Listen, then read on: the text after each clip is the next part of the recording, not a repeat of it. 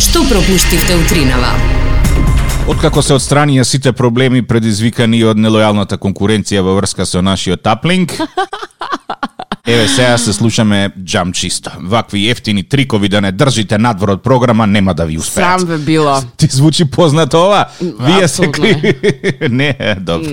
Е, Што тргна да ти кажам? Значи, Сабајле отварам очи, тамо на е, југ сврте на спалната, гледам некои црни облачишта, зорке вака, викам, леле, не и денеска. Стигам овдека во студио свртено на исток, оп, што ќе видам сино небо и сонце, добро е, ќе се преживее некако. Како е времето? Времето, е, па право да ти кажам, за разлика од вчера, малку потопло, што е одлично. Два степени покажува А, мојот мобилен браво. телефон, што и не е така лошо. Време е Вчера за беше купаки. ну- Ау, три, три покажува. О, Ле, ле, ле, па и ле, сладолед. сповлакај се. Сладолед. Да, да, да, да. Инаку, е, ова е најладниот ден кој што ќе го уживаме во следните 10 на 15 Чекај, дена. стој, овој вчера го кажа. Баш ја Па и преслушував вчера снимката. беше најладниот и денес е најладниот. Од утре се потопло и потопло. Стануваш како метеоролозине. Следниве три дена ќе бидат најладни. Следниве, ова како и со короната, следниве 14 ќе бидат најкризни. Најстрашни, да, да. Не, е, дека ќе има дожд во текот на денот, вака ќе ќе попрскува нешто ќе има. Меѓутоа температурата денес не оди кузна колку во позитива до некаде 6 степени, а од утре 7, па 11, па 14, па 15, па 16. Ова ти И зборувам одиме за на море. Скопје. Да. А другите градови верувам дека ќе биде уште потопло. Убав. М, Ден е 7.42 е денеска имаме неколку родендени, плюс е, имаме една дискусија за која што јас е, однапред ќе кажам дека ја завземам нетипичната Ја страна. прогласувам за- Да, и очекувам дека ќе бидам распнат, меѓутоа се во името на добрата забава.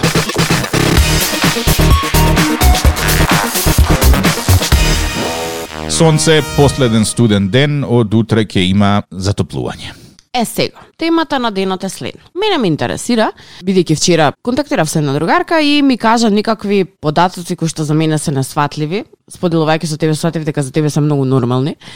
И е, затоа ќе те прашам и тебе, но воедно и сите кои што утринава не слушаат. Колку е нормално или окей да се остане во контакт, односно да се пие кафе со бившиот? А сега мене Бившата. директно ме прашуваш? Тебе директно. Како некој кој што секогаш се стреми да оддржува културолошки бизнис и меѓучовечки односи со сите луѓе, јас сум поборник на правилото дека ниту еден мост не треба да се изгори. А така и со бившите. Значи само затоа што не гледате заеднички живот и партнерство, Добре. не Добре. значи дека не треба очи да си погледнете повеќе и никогаш да не правите муавет. Така да кафе е сосема нормално. Чекај малку, застани сега, тука ме збунуваш. Значи, некој да би бил поранешен или народски кажано бивши, очигледно не, и, не, има некој недостаток кој што ти не можеш да го надминеш и затоа решаваш да ставиш крај. Да, Многу меѓутоа, голем тоа е- процент од од кавгите и од е, крајот на една врска е толку страшен и драматичен што луѓе по, после тоа не сакаат да се видат очи. Тоа е така затоа што ние не сме доволно цивилни да раскинеме нормално. Еве ќе ти кажам пример. Значи, ти може би да имаш многу добра комуникација со некого, меѓутоа заедничкиот живот да не влијае позитивно на двајцата од вас и вие сваќате дека и покрај тоа што вие имате добра комуникација, вие не може заедно да живеете. И дали тоа значи дека не треба очи да се видите и никогаш да не се видите Види, на тоа кафе е во, после тоа? тоа е во многу ретки случаи кај што луѓето онака Ама е, секогаш е фино, така, меѓутоа луѓето се, се плашат од тоа фино, па прават джева. Зошто би се плачала на некој финално му кажам ние не сме еден за друг, на пример. Не ти држи во Па еве, ај сега да те прашам, Најчест- ти, кога, ти кога си раскинувала, колку често си ја користела фразата не е до тебе до мене е? Еј, не можам да се сетам Е, па, е, ба, токму затоа. пати си ја користела, в- значи, не е секогаш само раскинување на врската од таа причина, некогаш е неврства во прашање. И што ќе ја фатиш како да информира? Добро, битно другари ќе останеме. Се надевам убаво да си помина. Не, не иде тоа така, некои работи не се поминуваат. И после тоа, после години и години, ја себе вика, супер си функционирам со би... Ма шо ќе ти е бившата? Значи, никој не прави работи што другиот не ги прави. Чекај, чекај, чекај. само тука се сега. прават, само што може да се случи тој другиот да не биде фатен. Тоа Сакаш да затоа ми што кажеш тоа дека затоа ако што едниот партнер изневирува, најверојатно изневирува и другиот партнер, меѓутоа не е фатен на дело. Да. Не значи се тоа ти е согласувам. исто како крадење. Добра. Ако те фатат дека си украл, не значи дека ти е прв пат да крадеш, туку дека прв пат те фатиле. Ау, каков погрешен муавет. како каков погрешен муабет. Не верувам дека е така. Така е, Зорке. Значи, само ако не си го фатил другиот не значи дека имаш право да го обвиниш дека и тој ги прави истите работи. Мене друго нешто ти малце ми избега сега. Го обвинуваш и другиот дека е виновен. Што муабет имаш да правиш со некој со кој што претходно си делела а, делела пострела да речем. Што? Како си? Како ти оди во животот? Ако сум сакала да знам, ќе останал присутен тој човек во животот Видиш, наш. ја не можам да ја разберам како таа може така да свртите нов лист. И после, Што после? некогаш во иднина нешто Што ќе ми ќе притреба треба- жиран, да- Ќе ти те- жиранта ми биде на Не кредитот. се знае жиранте. Еве, Нокеска, е, сега ќе ти кажам пример. Нокеска у 3 некој звонел на телефон. У Добро. 3:22. Па сигурно не е да те праша како си. А може а и може тоа е. и тоа е. А може и Е. тоа е, гледаш, во Ми не право си. достасуваш да во 3:22 полициски час, не можам да дојдам. Ми не достасуваш и под, подпишана, не знам, фризерката. Е, значи, она што е многу интересно е, вели, една спроведена е, студија на Универзитетот Оукланд, луѓето со потемни видови карактери остануваат пријатели со нивните бивши партнери исклучиво од практични причини, молим те, која е таа практична причина, што исто така злобно како што звучи. Овие практични причини опфаќаат од потреба Секс, до. да, до е, да се искористи и контролира таа личност. Ете. Значи, според ова, има два на- има е, две причини зошто некој би, ост- би останал во контакт со бившото. Да ја да ја искористи или да ја врати. А извини сега да, да ја искористи, како убаво налета на волеј. Секоја врска помеѓу било Добра. кои две човекови суштества е базирана на интерес. Апсолутно. Така да, што е тоа чудно што останува со таа личност за да ја искористи? Што е тука чудно? Аха, сакаш да ми кажеш дека они веќе предходно правеле нешто, па сега тоа не е као користење, како нормално. Па да, кажи ми дали ти формираш било каква врска, пријателска, другарска, Добра. каква сакаш, кажи ја со некоја личност во која што не гледаш некаков интерес. Без оглед дали е тој интерес финансиски, без оглед дали е тој интерес емотивна поддршка, емоционална поддршка, некаква поддршка. Чека, интерес Секој- не е ако многу ми се допаѓа и сметам дека би си одговарал. Тоа е интереса? Па да, затоа што ако расчепкаш под површината има некаков интерес. Значи тоа е во твој интерес ти да бидеш Добро, посрекна, ама, позадоволна. ете, ние некако сме го разрушили интересот, повеќе не, немаме интерес да бидеме заедно и кој е поентата сега тоа ти е, што така лагано ми го ми го исер- исервира како мобет да ние останеме Интересот никогаш Во контакт. не се губи, само интензитетот спласнува. Кога тогаш пак ќе ти се појави тој интерес. не се согласам. Е, ќе видиме, млада си уште. Не се согласам. Какво е вашето размислување ме интересира и би сакала некој е, црсто и машки да се јави на 079-274-037 во меѓувреме додека тоа го е, го чекаме да се случи. Е, Меган на пример, види сега, не оди подалеку. Меган му дозволила на Хари, на принцов Хари, да покани две бивши на свадбата. Да, ништо лошо во тоа. Ма ќе ги поканам и на прв ред ќе ги ставам. Нека гледаат и Јоцо нека патат. Крушево вели Зорке 102% си во право за бившите. Ете ти, која е потребата да ми бидеш во животот ако ние сме раскрстиле? Да те прашам како си, ич не ми е гајле. Ти се уште не си е, еволуирала во следната фаза на на на на, на животот. Тоа некаде по 35-тата ќе го увидиш. Ќе правиме муабет за неколку години, верувај ми. Ајде чекам некој трет да се јави за да разреши мистеријата кој е денес на трава.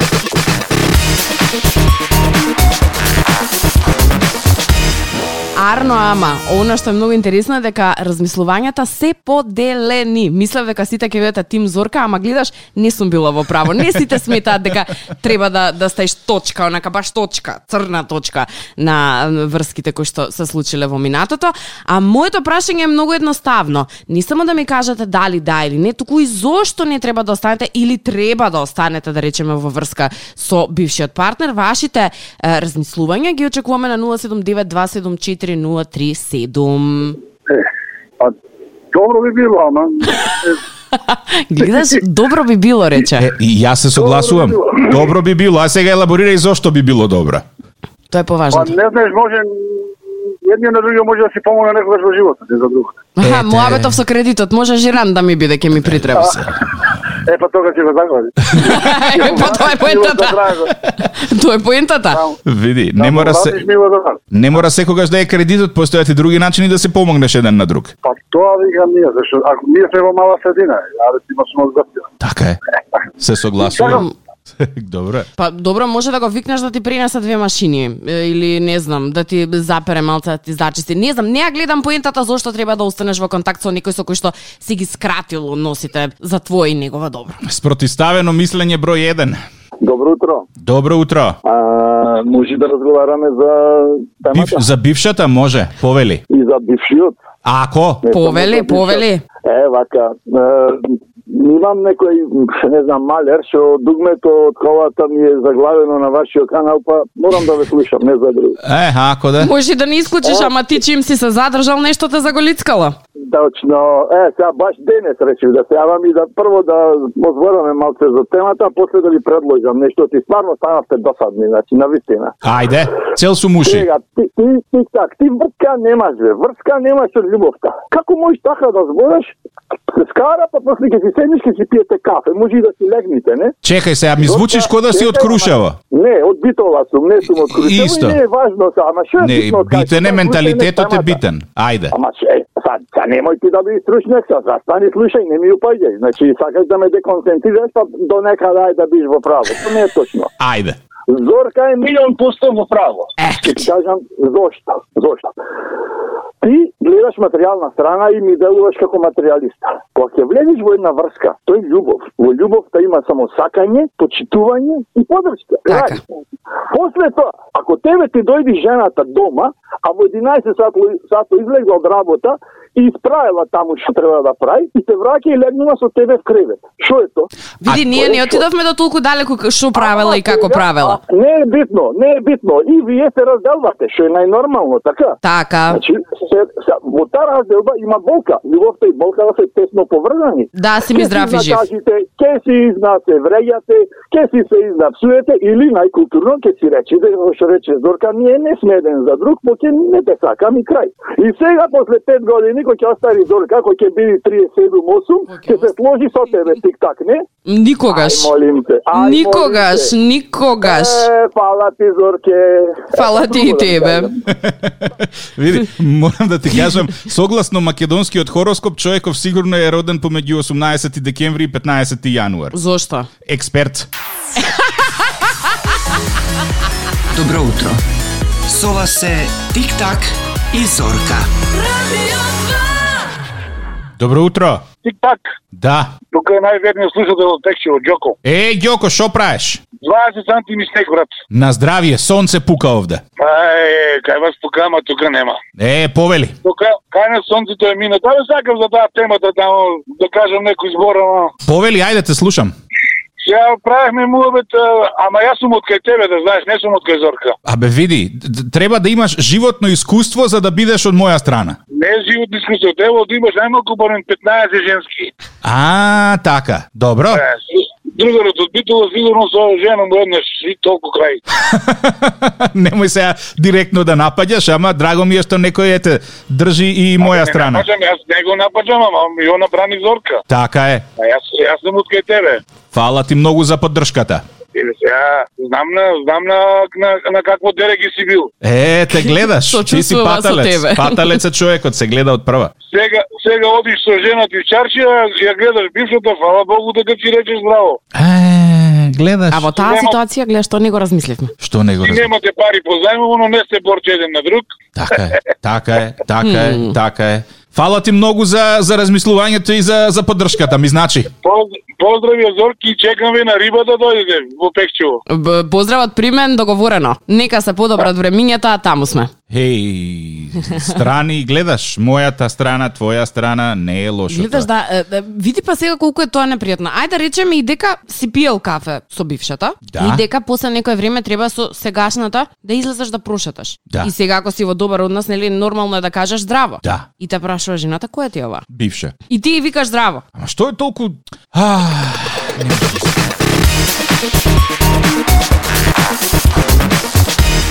на социјалните мрежи дискусијата се вжештува, ама е, тука некаде во етерот е, ќе оставиме, продолжуваме да комуницираме на социјални мрежи на тема дали е изводливо машко-женско другарство и како тоа треба да се е, направи, реализира итн, итн, итн. Преја коментар дојде на социјалните мрежи, вели да, може да пие кафе со бившата само ако сум јас присутна. Мм, гледаш? Е, видиш, тоа е тој порив да се контролира се, да не се верува, е, тоа е тоа што понатаму ќе доведе до уништување и на таа врска. А па. ја, например, од друга страна си кам, што ке барам јас на тоа кафе? Имам еден пријател, постар човек, кој што вели, најдобро е да не чепкаш во телефонот на партнерот. Добро. Затоа што, ако чепнеш нешто, ќе најдеш нешто. А, а, ако си тргнал да бараш нешто, сигурно ќе најдеш. Да, гледаш како се разбираме. Се разбираме. Ха, бебеш.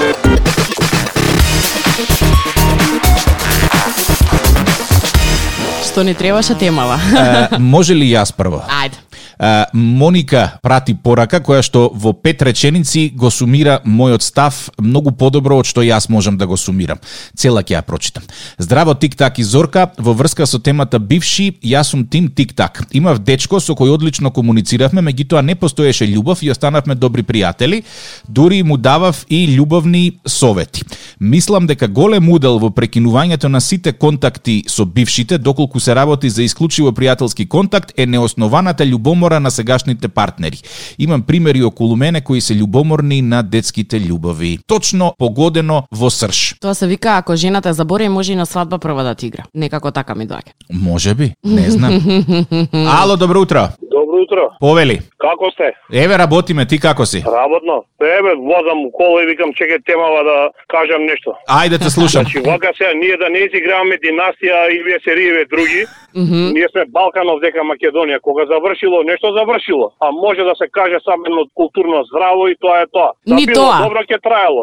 Добро. Е, е, е, било тоа е, добро. тоа е мојот став, така ли, така е. Зорке? Значи, да било Така е. добро, ќе траело и ќе сме били по-блиски и по-све. Така да, да не изиграме многу запад, пошто од запад знаеме дека сме многу далеку. Така си. А ворете да се каже едно здраво и да биде тоа, тоа едно културно здраво. Бидејќи, ако имаш, значи, девојка ли, друга ли, жена, и што ќе биде тоа? шпанско село, така?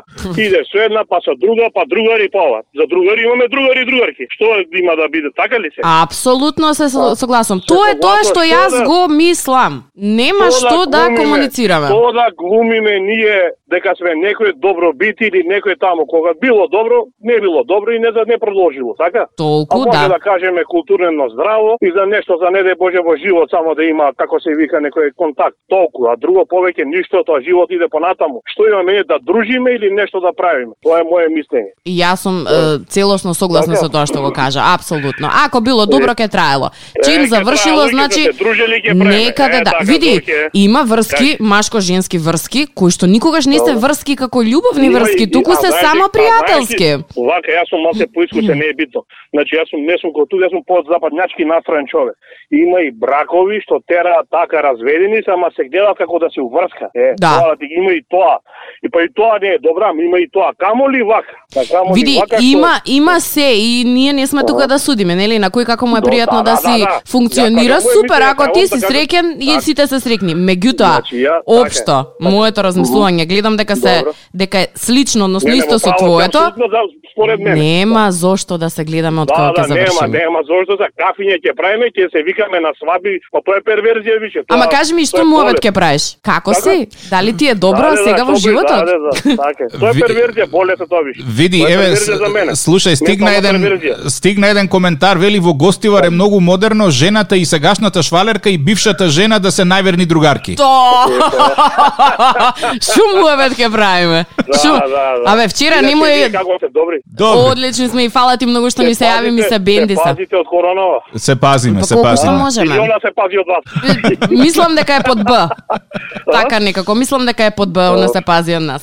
Фала ти Да, многу да, што се тоа. јави, Ја имај ве прекрасен слушам, ден. Ја ве слушам стално, ама еве сега начекам можност да ви се јавам, а иначе тие машко-женски работи ги пратам, ги пратам доста време и онака.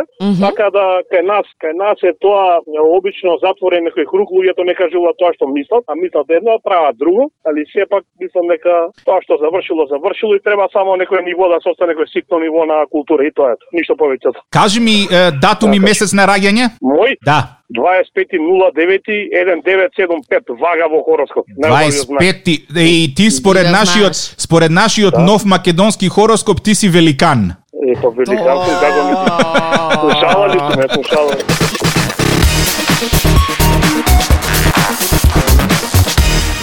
А Таа од недела почнува и летното сметање на времето. Да ве подсетиме, владата на вчерашната седница донесе одлука да се утврди е, летното сметање кое оваа година започнува Добро. на 28 март. Добро утро, ќе почекаш малку. Е, од 2 часот наутро. Значи часовникот треба да се помести 1 час нанапред. Чекај малку, ова Пет никогаш не станува го разбирам. шест. 5 станува, 5 станува 6. Значи Губиш еден саат спиење. А, никако, И никако. мислам, мислам, согласно европската регулатива, дека ова е за последен пат е, во нашето постоење дека ќе се менува часовникот. Сега треба да се реши е, дали ќе се оди напред или ќе се остане на ова старото и мислам дека ние одиме напред и толку веќе враќање назад нема да има. Барем така се тие европските регулативи, а колку тоа ќе го почитуваме или нема да го почитуваме, времето ќе покаже. Добро утро. Добро утро, како сте? А целуваш шампионот вчера А, шампионот. Добро. од Битола. Така. Евако. Ме интересираш едно прашање. Ајде. Дали во Скопје денес ви врни снег? Не, во Скопје пука сонце право да ти кажам, ама знам дека кај вас има снег. Епа, па, сега ќе ви пуштам на Фейсбук една слика да видите колку во Битола врни снег. Леле. Е, з- Вртам очи и не сакам да сум кај вас, верувај ми. Бога ми ја, за прв пат не сакам да сум во Битола. Епа, па, знаеш те како не е поќе мојата чудесна земја, ова е мојата чудесна Битола. Да, посебна емисија, со посебен тек. Точно така. Од сега ќе прекрстиме мојата не чудесна Македонија, мојата чудесна Битола. А тоа води потоа кон сегрегација поделби ите на ите на ите на. Немој молим те по таа патека црвен капче.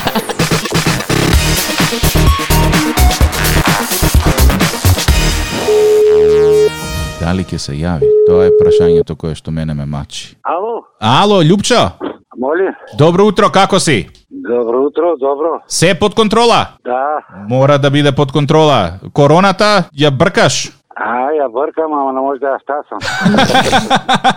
Добро, колку колку брзо го возиш тоа е, комбето за брза помош? Ми, колку оде? колку оде? Ми се допаѓа ова. Љупчо, среќен роден ден. Фала, фала. Тик так и Зорка од Радио 2, а честитката е од керките Кристина, Мими и сопругата Лика. Е, фала многу. Нема проблем. Фала ви многу. Чекај сега едно прашање поврзано со брзава помош. Дали некогаш се случува полиција да ве сопре за брзо возење? Е, тоа мене ме интересира. Да? Да, да. И? Што се И- случува ако има живото загрожувачка ситуација во Ако, комбето? и- ако има животно за грзувачка, те реши не застанеш. Аха. Значи, и да те стопират и си териш. Јасно. Минат си кога ми било страв и општо вака кога слушам од лево од десно си кам леле да направам место да помине човеков едно друго. Немаат гајле вака фш, летаат. Значи страшно има, добро има сте. и такви, има и такви. Се зборат на телефон и баш му е гајде дали сирена свири или не свири. Да, има и такво нешто. Добро, Да, колку треба да, да, си одсутен од светот да не чуеш дека сирена позади тебе ја свири. Епа, има секакви тие што се е, е, добри, да кажам, како да кажам, е, што што имат свест се тргнуваат, а тие што немаат свест се тоерат пред тебе, не ти даваат предност, мора да ја пазиш и на нив и така. Ау. Ето ти. Мора да се турка. Е, има и Отворени очите, отворени очите четири и ќе пазиш тоа е. тоа е. Фала ти Така, си многу ја. за муабетот, имај прекрасен ден, се слушаме до година. Фала, фала и на вас исто убав ден. Чао, чао. Е, остана уште еден роден ден Зорке. Кој што би требало веднаш да, го Да, изреализираме. затоа што време снемува, го бараме е, Горан. Горан е, е, е не игра вели игри на среќа, има негова градежна фирма, плаќа реклами по портали и така натаму и така. И добил награда. Да. Да, Ало Горан, да, добро утро. добро утро. Како си? Добро, Денеска посебен ден за тебе. така, Да. Е среќен роден ден. фала. Тик так и Зорка од Радио 2, честиткава ти од зетовите и од керките. Благодарам во ден на вас. Во секое време. Фала ти многу, па се слушаме до година. Здрав и жив да си. Фала и вие исто. Убав Чао, ден, чао. поздрав, чао. Фала ти. Толку е за денеска, Зорки. Тик-так и Зорка, facebook.com, коса црта Тик-так и Зорка, Instagram Тик-так и Зорка, телефон 079-274-037. Доколку сакаш да честиташ роден ден, пиши ни. Сите оние е, емисии кои што ги пропушташ во текот на утрото, можеш да ги слушаш и на слушај.тиктакизорка.мк.